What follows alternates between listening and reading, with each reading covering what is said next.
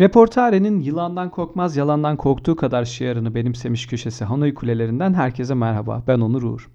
Bu yazıda dolandırılmanın dayanılmaz hafifliğine göz atacağız. Başlıyoruz. Bu kafamın içindeki bir tartışmanın yazısı. Bir yere varmayı vaat etmiyor. Bir sonuca ulaşmaya çalışmıyor. Ama klişeleşmiş bilgi ve davranış kalıplarını da merak ediyor. Neden her seferinde lades dediğimizi düşünüyor? Önümüze koyulan bilgi çöplüğüne karşın ne yapabileceğimize dair bir fikri olmamasına karşın en azından bir farkındalığın olduğunun sinyallerini vermeye çalışıyor. Önermelere ve durumlara bakarak sorular soruyor. Cevaplarını herkesin kendi kafasının içinde tartışmasını umuyor ya da keyifli bir okumalık olarak huzurlarınıza sunuluyor. Haliç'in altında altınlar varmış. Japonlar biz çıkarırız ama yarısını da alırız demişler. Bu yüzden izin verilmiyormuş. Gördük Haliç'in altındakileri. Külçe külçe altın beklerken denizlerimizin her yeri müsilaj. Balıkların hafızası 3 saniyedir. Bunu nasıl ölçtük mesela? Bir balıkla tanışıp 3. saniyede adımızı tekrar etmiş olamayız sanıyorum. Ya da bir balığa verdiğimiz sütsüz kahve siparişinin sütlü gelmesinden dolayı ortaya çıkan bir söylenti değildir bu. Ayrıca balıkla yoğurt yersek zehirleneceğimiz bilgisi de gerçeği yansıtmıyor. Gastronomik olarak kötü bir ikili olması dışında bir problem görünmüyor. Çin Seddi uzaydan görülebilir. Gören var mı? En azından bir beyan. Evet ben gördüm yeminim şart olsun diyen bir astronot var mı? Tabii ki yok. Eşekler inatçı olur önermesinde ikinci el pazarlığı yaptığımız bir eşek küsuratı mı silmedi? Bir eşekle ne gibi bir inatlaşma yaşadık? Onu gitmek istediğimiz yöne götürememek inattan başka dinamiklerin olduğunu işaret ediyor olamaz mı? Tabii ki bir eşek bizlerle inatlaşmıyor. Lozan Anlaşması da 2023 yılında son bulmayacağına ya da anlaşmanın gizli maddeleri olmadığı bilgisine de sahipsek nereden geliyor bu yanlış bilgiseli? Hatta yanlış bilgiye karşı duyduğumuz heyecanın sebebi ne? Üzerimize çığ gibi atılan enformasyonun altında kalıyor ve daha çok yayılmasına çanak tutuyoruz. Her gün onlarca kanaldan bilgi akıyor minik dimağlarımıza. Bir haber sitesinde gezerken pop-up reklamlar kaplıyor her bir yanımızı. Instagram hikayelerini bir buçuk saniyede geçerken arada küçük reklamlara kapılıyoruz. Yoksa ben nereden bilebilirim AppShaper gibi bir aletin varlığını? Bugüne kadar Instagram hikayelerine dikkatini veren bir dünya vatandaşı var mı? Online toplantılarda alınan ekran görüntülerimizi paylaştığımızda dikkate alan bulunuyor mu? Etiketlediğimiz her paylaşımı otomatik olarak paylaşmıyor muyuz?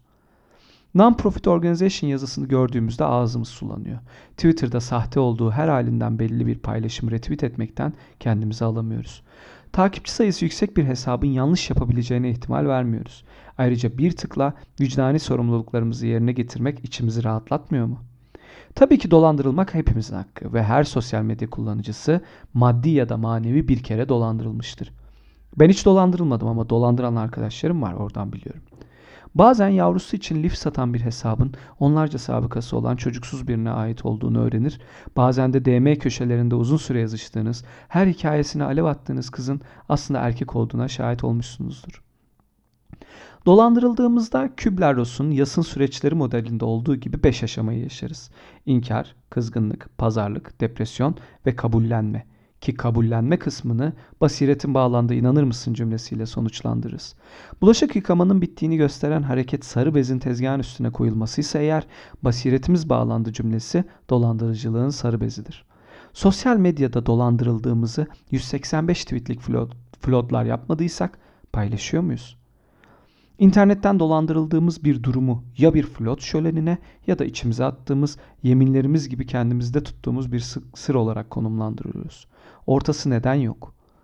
Şu ana kadar verilen örnekler ne kadar hayatlarımızın içinden değil mi? Bir yerden duyduğumuz, gördüğümüz, yaşadığımız onlarca örnek vermek mümkün.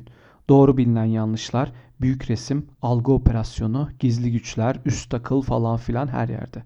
Saçma sapan bir fikri savunmak isterseniz fikrin başına yapılan araştırmalara göre ibaresini eklemeniz yetiyor. Bu araştırma nedir? Ne şekilde, hangi örneklemle, hangi koşullarda yapıldı gibi sorular bu muazzam çağın içerisinde küçük, tatlı ve gereksiz bir teferruat gibi mi geliyor? Önümüze sunulan her bilgiyi sünger gibi çekmek ve daha beteri bu fikri şiddetle savunmak ne kadar doğru?